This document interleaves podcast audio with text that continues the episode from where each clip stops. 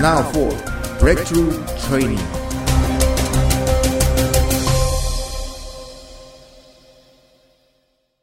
Oke. Kalau saudara memperhatikan dalam kitab Wahyu pasal yang kedua dan Wahyu pasal yang ketiga. Ya, saudara akan mulai mendapati di setiap akhir perikop yang ada akan selalu ada dua kalimat yang terus diulang dan terus diulang, ya. Mulai dari ayat yang ketujuh, lalu kemudian ayat yang ke-11, lalu ayat yang ke-17, lalu ayat yang ke-26, ya setiap akhir perikop selalu ada dua kata yang terus diulang-ulang. Kata yang pertama adalah barang siapa bertelinga. Nah dengan kata lain Tuhan mengendaki karena ini adalah suratan Rasul Yohanes kepada 12 jemaat yang ada di bawah kepemimpinan dia pada saat itu. Ya, Alkitab mengajarkan kepada kita, kepada ketujuh jemaat, sorry, kepada ketujuh jemaat yang dia pimpin pada saat itu. Alkitab memberitahukan kepada kita, setiap kali akhir dari penulisan Rasul Yohanes kepada salah satu jemaat, selalu ada dua kalimat yang terus diulang-ulang. Siapa yang bertelinga? Lalu kemudian kalimat yang kedua, barang siapa menang. Halo amin. Nah dari dua kalimat itu kita bisa mengetahui setiap kali kita terus belajar mendengar apa yang Tuhan ingin sampaikan dan kita terus belajar membuka hati, menyelaraskan hidup dalam apa yang sedang Tuhan sampaikan pada hari-hari ini melalui roh kudusnya, maka kita akan selalu ada dalam posisi yang berkemenangan. Halo amin. Nah karenanya selama satu minggu ke depan ini saya berdoa supaya saudara betul-betul akan mulai memiliki telinga yang lebih tajam lagi mendengar apa yang roh sedang katakan kepada gerejanya pada hari-hari ini. Sehingga ketika kita bisa menangkap apa yang menjadi pesan Tuhan, kita menyelaraskan hidup kita di sana, kita pasti akan mendapati kuasa roh akan terus memposisikan kita ada dalam posisi yang berkemenangan. Halo amin. Oke, saya mau semua saudara bukan cuma diam mendengar, tapi saya mau kau mulai belajar meresponi. Ya, Jangan cuma satu dua orang saja tapi semua kita. Mungkin sudah berkata gini, kenapa harus seperti itu? Karena saya belajar begini, tiap kali firman disampaikan saudara harus meresponinya. Kalau saudara mendengar firman belaka, mungkin kau akan diberkati. Tapi saya tidak mau saudara hanya diberkati, saya mengendaki ada perubahan hidup yang terjadi. Halo amin. Dalam Lukas pasal yang pertama, kalau saudara baca di sana, Alkitab menceritakan, malaikat Gabriel datang kepada Imam Zakaria. Ya, setelah sekian ratus tahun tidak ada pernyataan roh, tidak ada penglihatan, tidak ada penampakan malaikat, tiba-tiba malaikat Tuhan menampakkan diri kepada Zakaria. Menurut saudara itu berkat bukan? Berkat yang besar sekali, betul? Halo. Amin. Ini berkat yang besar sekali. Tapi karena Zakaria meresponi pernyataan Tuhan itu dengan cara yang keliru, maka efeknya adalah Zakaria menjadi bisu. Dia mungkin diberkati, dia melihat malaikat Tuhan. Tapi dia tidak punya kesaksian hidup. Dia menjadi bisu, dia tidak bisa menceritakan apa yang dia apa yang dia lihat, apa yang dia dengar, apa yang dia alami. Nah saya mendapati ada banyak sekali orang-orang Kristen yang juga mengalami pengalaman yang sama seperti Zakaria. Tiap kali mereka datang ibadah, mereka dengar firman, mereka diberkati. Tapi kehidupan mereka tidak alami perubahan. Halo? Karena cara mereka meresponi firman itu keliru. Nah kalau saudara korek lebih lanjut, kenapa Zakaria bisa meresponi dengan cara yang keliru? Karena dia sudah kehilangan kemampuan untuk mempercayai firman. Jadi apa pun yang firman sampaikan, dia sulit untuk bisa percaya. Nah bahkan di antara para pendeta, sorry kalau saya harus bilang ini. Mungkin karena terlalu banyak tekanan dalam pelayanan, juga karena kefrustrasian dalam pelayanan. Maka ketika betul-betul firman dari sorga datang, dan biasanya ketika Tuhan berfirman, kondisinya selalu bertolak belakang dengan realita yang sedang kita hadapi. Maka sulit bagi si pendeta ini untuk kemudian percaya kepada apa yang menjadi janji Tuhan. Sehingga pada akhirnya hidup mereka juga semakin bisu. Tidak ada kesaksian hidup yang bisa diceritakan. Halo amin. Tapi ketika saudara sebagai hamba Tuhan, saudara sebagai eh, orang-orang percaya, engkau mulai belajar menyadari, aku harus meresponi firman. Saudara akan mulai melihat impactnya akan nyata dalam hidup saudara. Malaikat yang sama datang kepada Maria. Ketika malaikat Gabriel datang kepada Maria, dia menyampaikan firman. Ya, engkau akan punya anak laki-laki, eh, beri dia nama Yesus. Nah Maria mungkin berkata, hei aku belum pernah menikah, aku tidak pernah disentuh laki-laki. Mana mungkin bisa punya anak. Tapi, Maria berkata lebih lanjut, tapi jadilah padaku. Karena aku ini hamba Tuhan. Nah ketika Maria memberi respon yang benar, jadilah padaku karena aku ini hamba Tuhan. Alkitab katakan roh kudus turun atas Maria dan dari sejak saat itu di dalam kandungannya ada firman hidup. Betul amin? Dan kita sama-sama tahu sebagai kaum wanita kita sama-sama tahu ketika seseorang didapati hamil otomatis seluruh hidupnya mengalami perubahan. Halo amin. Nah karenanya saya bisa tegaskan buat setiap saudara. Ketika firman hidup mulai masuk dalam dirimu, engkau akan mulai alami, hidupmu akan mengalami perubahan total. Engkau tidak akan pernah perlu bergumul lagi dengan apa pun yang menjadi kehendak Tuhan. Engkau merasa dari dalam sini seperti ada sesuatu yang menggerakkan saudara, mendorong saudara, memampukan saudara untuk melakukan apa pun yang Tuhan perintahkan. Halo amin. Saya mendapati pelayanan akan jadi jauh lebih mudah. Pelayanan akan jadi jauh berbeda. Hanya ketika saudara belajar dengar dan meresponi firman. Halo amin. Yesus sendiri berkata, di atas batu karang ini aku akan mendirikan jemaatku. Begitu kan? Dan alam maut tidak akan berkuasa atasnya. Nah yang dimaksud batu karang di situ batu karang apa?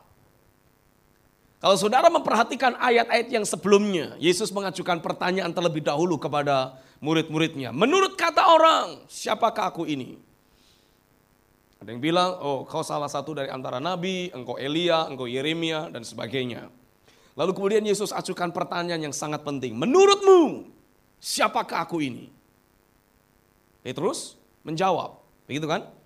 Petrus menjawab, engkau adalah Mesias, anak Allah yang hidup. Begitu kan? Halo. Matius pasal yang ke-16. Lalu Alkitab mengatakan, Yesus langsung memberikan penegasan begini. Bukan manusia yang mengajarkan itu kepadamu. Bukan manusia yang memberitahukan itu padamu.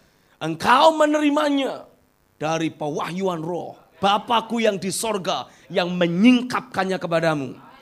Itu yang Yesus katakan bukan? Halo amin. Nah saya bisa tegaskan buat saudara. Di atas batu karang penyingkapan yang roh kudus lakukan. Kepada kita sebagai orang percaya. Di atas batu karang itulah engkau akan melihat hidupmu akan dibangun di dalam Tuhan. Nah karenanya saya berani tegaskan buat saudara, setiap kali Tuhan mulai berfirman kepada kita, saudara harus mulai belajar meresponi, bukan cuma sekedar dia manggut-manggut saja. Halo amin. Terlalu lama kita hanya mendengar khotbah. Ini waktunya kita mulai dengar firmannya. Khotbah belaka tidak akan banyak menolong, tapi ketika saudara mulai dengar firmannya, Alkitab katakan dalam Roma pasal yang keempat dengan firmannya Tuhan menjadikan dari yang tidak ada menjadi ada. Halo amin. Abraham menjadi papa kita semua menurut yang ada tertulis. Menurut yang Tuhan firmankan. Secara manusia Abraham tidak mungkin bisa punya anak. Betul amin? Abraham artinya juga tidak akan mungkin jadi papa kita semua. Halo? Nangkap maksudnya? Halo amin. Tapi ketika firman datang dalam hidup Abraham sesuatu mulai terjadi. Firman itu mengubah Abraham, menjadikan Abraham memiliki kemampuan untuk menjadi bapa bagi kita semua. Seperti yang sudah dia firmankan sendiri. Nah hari ini saya ingin tegaskan buat saudara, seandainya engkau membuka hidupmu dan engkau mengizinkan kuasa firman terus bekerja dalam dirimu, segala sesuatu bisa terjadi dalam hidup saudara. Hei, jangan hanya diam saja, oke? Okay? Engkau akan mulai alami hidupmu tidak akan pernah sama lagi. Engkau akan mulai melihat sama seperti Abraham menjadi bapak kita semua karena firman yang datang. Maka engkau juga akan mulai mendapati hidupmu, pelayananmu tidak akan pernah sama lagi karena kuasa firman ada dalam diri saudara. Halo amin. Tuhan memposisikan kita ada dalam posisi yang selalu berkemenangan. Kalau seandainya dalam pelayanan pada hari-hari ini saudara masih terus menghadapi pergumulan Ya, saya bisa tegaskan buat saudara, waktunya tiba, pergumulanmu berakhir. Amin, amin. Akhiri pergumulanmu di sini dan mari kita memulai perjalanan rohani yang selalu berkemenangan di sini juga. Setuju amin? Karena saya percaya kalau saudara bertanya, Pak Stephen apa yang sebetulnya Tuhan ingin sampaikan pada hari-hari ini buat gerejanya? Apa yang harus aku dengar pada hari-hari ini agar aku bisa selalu ada dalam posisi yang selalu berkemenangan. Nah saya bisa tunjukkan kepada saudara dari Wahyu pasal yang ke-12. Buka Alkitabmu dalam Wahyu pasal yang ke-12. Semangatnya kita membaca dari ayat yang pertama sampai ayat yang ke-11. Ya, Wahyu pasal yang ke-12, ayat yang pertama sampai ayat yang ke-11. Kalau semua sudah mendapatkannya, mari kita akan baca dengan suara yang keras. Wahyu pasal yang ke-12. Satu, dua, tiga. Maka Tambaklah suatu tanda besar di langit. Seorang perempuan berselubungkan matahari dengan bulan di bawah kakinya dan sebuah mahkota dari 12 bintang di atas kepalanya. Ia sedang mengandung dan dalam keluhan dan penderitaannya hendak melahirkan. Ia berteriak kesakitan. Maka tampaklah suatu tanda yang lain di langit. Dan lihatlah seekor naga merah padam yang besar, berkepala tujuh dan bertanduk sepuluh. Dan di atas kepalanya ada tujuh mahkota. Dan ekornya menyeret sepertiga dari bintang-bintang di langit dan melemparkannya ke atas bumi. Dan naga itu berdiri di hadapan perempuan yang hendak melahirkan itu untuk menelan anaknya. Segera sesudah perempuan itu melahirkannya. Maka ia melahirkan seorang anak laki-laki yang akan menggembalakan semua bangsa dengan gada besi. Tiba-tiba anaknya itu dirampas dan dibawa lari kepada Allah dan ke tahtanya.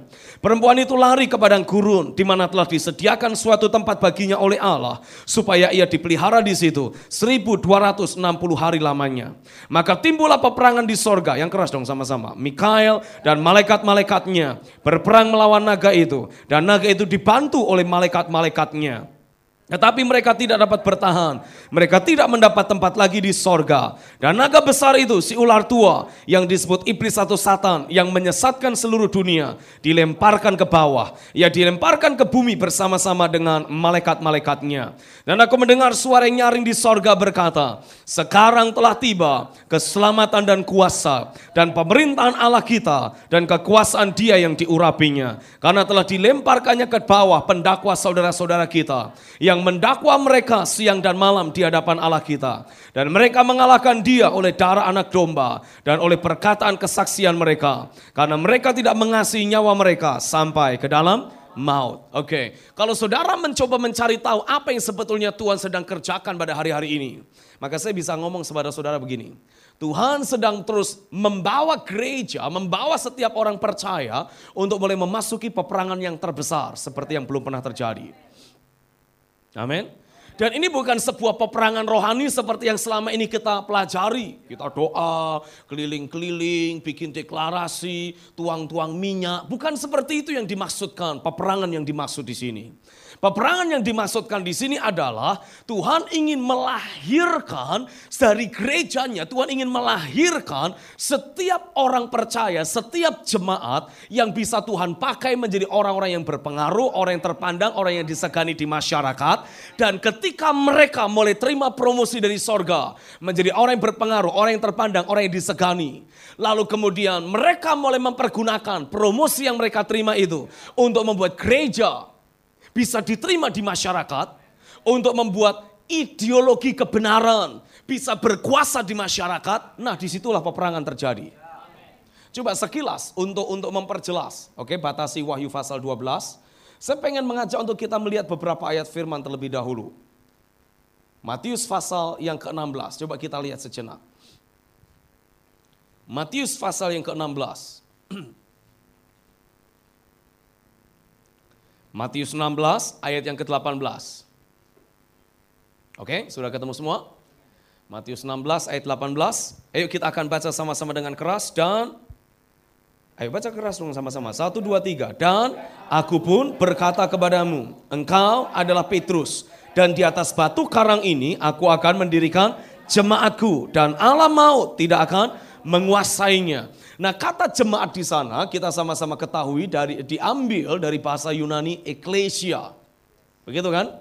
Nah selama sekian waktu lamanya pemahaman yang kita miliki tentang kata eklesia adalah dipanggil keluar dari gelap menuju terangnya yang ajaib. Padahal kalau saudara memperhatikan kata eklesia yang dipakai oleh Yesus Lalu kemudian saudara mencoba mem mem mem memahaminya dari perikop yang ada, maka saya bisa bilang begini, kata eklesia yang Yesus ucapkan ketika dia mengucapkan di atas batu karang ini, aku akan mendirikan jemaatku, aku akan mendirikan eklesiaku. Kata eklesia di sana yang ada dalam pikiran Yesus adalah satu institusi yang memiliki otoritas, diberikan wewenang untuk menentukan masa depan kotanya, menentukan masa depan atau mengambil kebijaksanaan untuk perbaikan kotanya, perbaikan komunitasnya. Ya. Kalau pakai bahasa yang sekarang, institusi eklesia yang dimaksudkan itu kalau di daerah adalah DPRD. Kalau di pusat itu DPR. Jadi sebuah institusi yang terdiri dari orang-orang yang berpengaruh, orang-orang yang terpandang, orang-orang yang disegani. Halo amin. Yang menerima otoritas, menerima mandat dari pemerintahan pusat untuk kemudian mengambil keputusan, membuat kebijaksanaan-kebijaksanaan untuk kepentingan kotanya, kepentingan bangsanya. Eh, ketika Yesus berkata, di atas batu karang ini aku akan mendirikan eklesiaku, mendirikan jemaatku. Yang ada dalam pikiran Yesus itu bukan sekumpulan orang yang biasa-biasa saja. Yang ada dalam pikiran Yesus adalah sekumpulan orang yang kemudian disebut sebagai jemaat. Tapi ini adalah kumpulan orang yang berpengaruh, yang terpandang, yang disegani. Halo amin. Nah kembali dalam Wahyu pasal yang ke-12. Inilah yang Alkitab katakan. Dikatakan sebagai per, uh, anak laki-laki yang dilahirkan oleh perempuan yang sedang mengandung. Ya, kita akan langsung loncat dalam ayat yang kelima saja. Nanti ayat yang pertama dan selanjutnya kita akan bahas. Nah, karena itu yang nanti kita akan pelajari lebih detail. Tapi saya ingin memberikan kepada saudara gambaran besarnya terlebih dahulu. Oke? Okay? Dalam ayat yang kelima, coba kita baca sama-sama. Ayat yang kelima, maka ia melahirkan seorang anak laki-laki yang akan menggembalakan semua bangsa dengan gada besi. Tiba-tiba anaknya itu dirampas dan dibawa lari kepada Allah dan ke tahtanya. Nah ketika Alkitab berkata di atas batu karang ini aku akan mendirikan eklesiaku. Yang ada dalam pikiran Yesus ini adalah sebuah institusi yang terdiri dari kumpulan orang-orang yang berpengaruh, orang yang terpandang, orang yang disegani. Katakan amin. Nah ketika Alkitab menggambarkan dalam Wahyu pasal yang ke-12, digambarkan orang-orang yang berpengaruh tersebut, digambarkan sebagai seorang anak laki-laki yang akan menggembalakan bangsa-bangsa dengan gada besi. Halo amin. Ini adalah kumpulan orang-orang percaya yang berpengaruh, yang terpandang, yang disegani di komunitas masyarakat. Tapi secara rohani mereka semua memanifestasikan kepenuhan Kristus dalam kehidupan sehari-hari. Halo amin. Jadi di luar sana orang akan mulai mengenali jemaat itu sebagai orang yang sangat sukses. Orang yang punya pengaruh yang besar, punya posisi yang sangat terhormat. Tapi pada saat yang sama orang di luar sana juga mengenali kita sebagai orang percaya yang cinta Tuhan. Yang gila-gilaan mencari Tuhan. Hidup kita terhubung dengan sorga. Kita selalu haus lapar akan kebenaran. Halo amin. Kristus nyata dalam kehidupan sehari-hari kita. Itu yang dimaksudkan dengan anak laki-laki yang akan menggembalakan bangsa-bangsa dengan gada besi. Lalu perhatikan ayat yang keenam. Perempuan itu lari ke padang gurun di mana telah disediakan suatu tempat baginya oleh Allah supaya ia dipelihara di situ 1260 hari lamanya. Nah, saya membaca dalam Alkitab terjemahan King James bunyinya kira-kira seperti ini. Dan perempuan itu dilarikan ke padang gurun di mana dia telah memiliki sebuah tempat yang disediakan khusus oleh Allah sendiri. Lalu ada kalimat yang berbeda di sini. Supaya mereka memelihara dia di sana 1260 hari lamanya. Jadi ada kata-kata supaya mereka memelihara dia. Siapa dia di sini? Gereja. Siapa mereka yang dimaksudkan supaya mereka memelihara gereja? Siapa mereka di sini? orang-orang percaya yang sudah dimunculkan oleh gereja Tuhan sebagai orang yang berpengaruh, orang yang terpandang, orang yang disegani. Halo amin. Saya berani ngomong sama saudara begini, kalau dari gereja mulai muncul, mulai dilahirkan, mulai Tuhan promosikan jemaat menjadi orang yang berpengaruh, orang yang terpandang, orang yang disegani. Contoh, di jemaat kita mungkin awalnya jemaatnya biasa-biasa saja. Tapi dalam satu kurun waktu tertentu, 3, 4, 5 tahun kemudian, dari gereja yang bersangkutan, mulai Tuhan munculkan ada lima orang bisnismen yang luar biasa diberkati. Lalu ada dua orang calon bupati. Kira-kira mungkin nggak kira-kira? Sangat mungkin. Ada tiga orang lurah dan lima orang camat di sana. Kok kelihatannya nggak yakin gitu sih ya? Bisa ngebayangin itu nggak kira-kira saudara? Apakah selama ini kita sebagai gereja hanya berpikir tentang masalah surga neraka aja? Kalau itu yang selama ini ada dalam dirimu, ini waktunya engkau menyelaraskan diri saudara dengan apa yang Tuhan sedang sampaikan. Halo amin. Tuhan tidak mengendaki kita sebagai hamba-hamba Tuhan hanya berpikir masalah sorga neraka. Ingat kita masih hidup di bumi, kakimu masih nginjak tanah. Amin. Artinya saudara harus mulai menyadari selama aku masih hidup aku harus memberi buah. Betul amin? Selama aku, selama aku hidup, aku harus pastikan ada kemuliaan Tuhan yang termanifestasi lewat hidupku. Ada banyak orang yang dijamah Tuhan, ada banyak orang yang diperbaharui. Nah itu sebabnya Tuhan mengendaki saudara menjadi garam dan terang dunia. Nah untuk menjadi garam, untuk menjadi terang, saudara harus menjadi orang yang update dengan dunia ini. Engkau harus menjadi orang yang disegani di dunia ini. Diterima di dunia ini. Tapi ingat kita bukan dari dunia. Halo amin. Tapi ketika saudara sebagai hamba-hamba Tuhan, engkau mulai dimunculkan Tuhan, menjadi orang yang berpengaruh, orang yang terpandang, orang yang disegani. Pertanyaan saya, orang-orang di sekeliling saudara, bisa nggak mengagumi saudara? Bisa nggak menerima saudara? Saya tanya nih, bisa nggak kira-kira? Bisa sekali. Kalau saudara cuma ngaku diri, saya pendeta, kira-kira yang mengagumi saudara siapa? Orang Kristen doang, jemaat doang. Orang Kristen aja belum tentu semua, toh? Ada kala ada yang nggak suka sama pendeta A, ada yang demennya sama pendeta B gitu toh. Tapi kalau saudara muncul di masyarakat sebagai orang yang sangat diberkati, kaya raya, kira-kira saudara diterima nggak di masyarakat? Diterima. Kalau saudara muncul sebagai orang yang berpengaruh, tokoh masyarakat, kira-kira saudara dikagumi nggak di masyarakat? Saudara menjadi bisnismen yang sangat berhasil. Engkau menerima gelar, menerima anugerah sebagai businessman of the year. Kira-kira di, di, disegani nggak di masyarakat? Diterima nggak di masyarakat? Kalau saudara muncul sebagai artis yang sangat terkenal, cinta Tuhan luar biasa, tapi sangat terkenal dalam dunia entertainment, kira-kira diterima nggak di masyarakat? Ayo saya tanya, diterima nggak kira-kira? Sangat diterima. Amin. Nah Tuhan mengendaki agar saudara mulai belajar merombak paradigma konsep pikirmu yang lama, yang selama ini menghambat dan menghalangi saudara. Halo amin. Tuhan sedang terus bergerak, Tuhan mengendaki kita bisa ikut berjalan bersama dengan dia.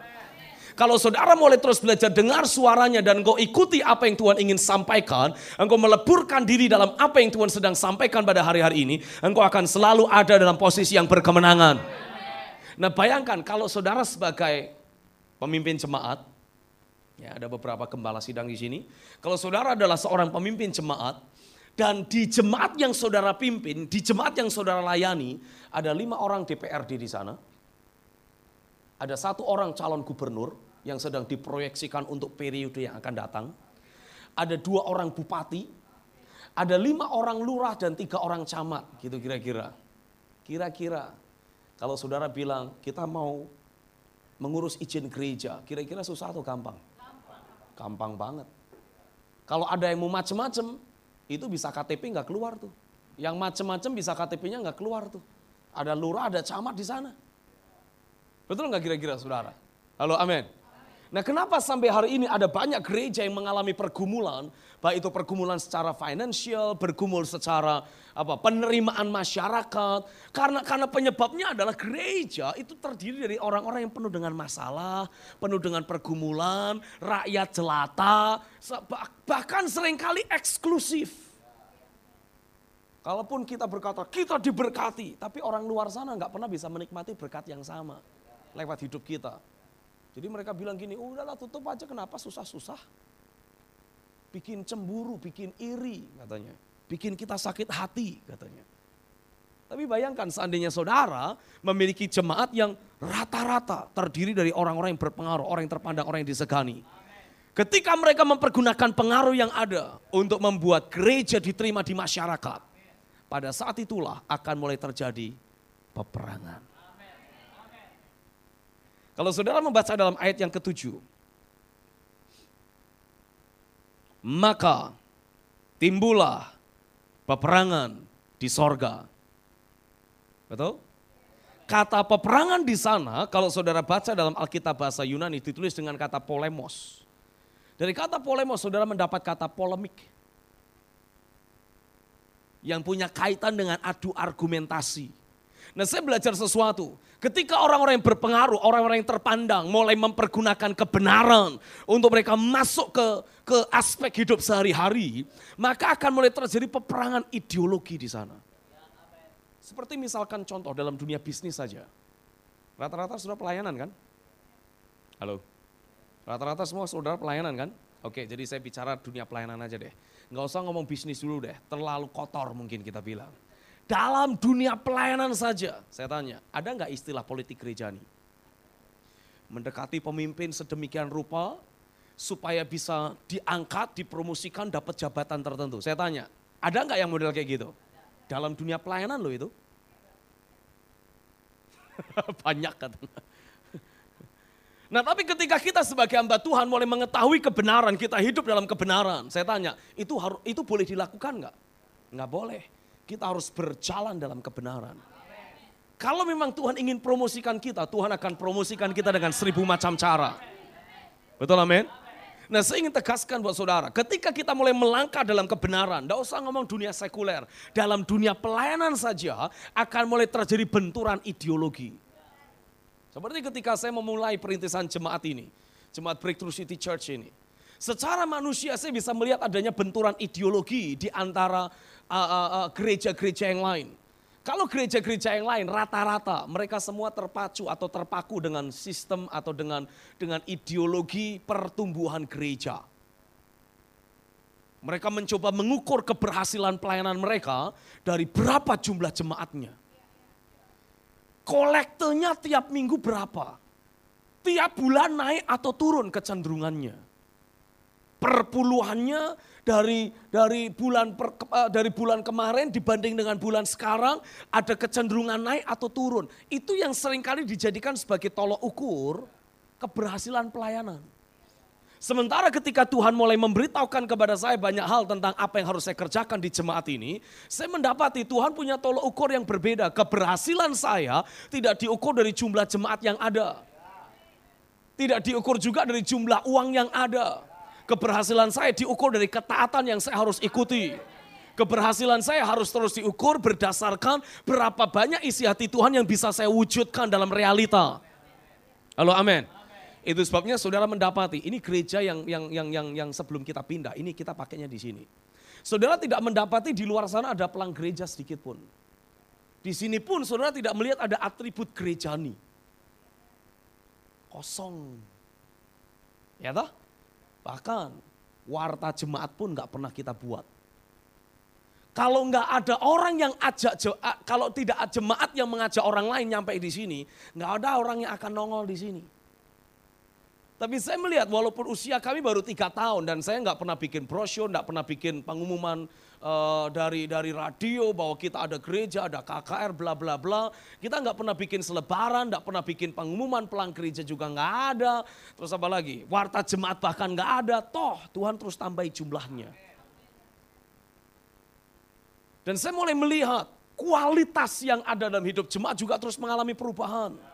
Kadangkala saya mendapati di gereja-gereja lain, eh, pendeta kadangkala harus tutup sebelah mata ketika melihat ada dosa di tengah-tengah jemaat. Karena mereka melihat ini yang bikin dosa itu orang yang berpengaruh. Orang yang berduit. Yang bikin salah ini orang-orang yang punya masa banyak. Jadi walaupun udah terang-terangan bikin salah tutup sebelah mata aja deh. Kalau ditegur takut ngamuk nanti orangnya pergi perpuluhannya juga ikut pergi. Kalau dia pergi nanti dia bawa masa semua ikut bersama dengan dia. Jadi tutup sebelah mata. Tapi tidak di sini. Saya pernah terpaksa harus usir jemaat keluar. Serius. Karena saya melihat ada satu jemaat yang bandelnya luar biasa. Udah dinasehati, udah ditegur, mulai ditegur empat mata, sepuluh mata, sebelas mata. Dia tetap aja bandel. Terpaksa saya harus panggil. Saya bilang mulai minggu depan saya tidak izinkan kau ibadah di sini lagi. Itu pintu keluar silahkan keluar. Kau mengganggu jemaat yang lain. Kau juga mengganggu hidupku. Keluar. Mungkin ada yang bilang, oh Bapak bukan gembala yang baik. Justru saya gembala yang sangat baik. Karena saya menjagai domba-domba yang lain. Eh paradigmanya harus mulai berbeda. Ideologinya mulai berbeda. Halo amin. Nah ketika kita mulai masuk ke dunia sekuler peperangannya akan jauh lebih berbeda lagi saudara. Seganas-ganasnya, ini saya pakai istilah ya, seganas-ganasnya konfrontasi di dalam gereja itu masih ada orang yang bilang gini, takut Tuhan. Betul nggak kira-kira? Masih ada Alkitab yang bisa dijadikan pegangan dan acuan. Walaupun ada orang yang memang keras kepala, kepal tebal, bebal, menyebalkan. Ada, pasti ada. Tapi minimal masih ada buku acuan yang bisa kita jadikan sebagai pegangan. Betul amin? Di luar sana tidak ada. Di dunia sekuler tidak ada. Orang bisa lakukan apa saja sampai ada istilah kalau bukan aku yang dimakan, aku yang harus makan. Kalau aku nggak makan, aku yang akan dimakan. Itu ada di dunia sekuler. Mereka menghalalkan segala cara untuk bisa meniti karir. Tapi ketika saudara sebagai hamba Tuhan, engkau mulai mendapati lewat pelayananmu akan lahir orang-orang yang berpengaruh, orang yang terpandang, orang yang disegani. Maka saya bisa cerita pada saudara, engkau akan mulai melihat ketika mereka engkau didik dengan benar, mereka jalan dalam kebenaran. Mereka akan mempergunakan promosi yang mereka terima untuk membuat gereja diterima di masyarakat. Halo amin mereka akan membuat gereja itu bisa punya impact di masyarakat. Nah terjadilah konflik ideologi. Untuk mendapatkan pemahaman, pengalaman, dan pertumbuhan kerohanian lainnya, Anda dapat mengunjungi kami di media sosial seperti channel YouTube, Facebook, dan Instagram Stephen Agustinus. Selain itu, Anda dapat mengunjungi website kami di www.stephenagustinus.com. Tuhan itu nyata dan dia masih terus bekerja.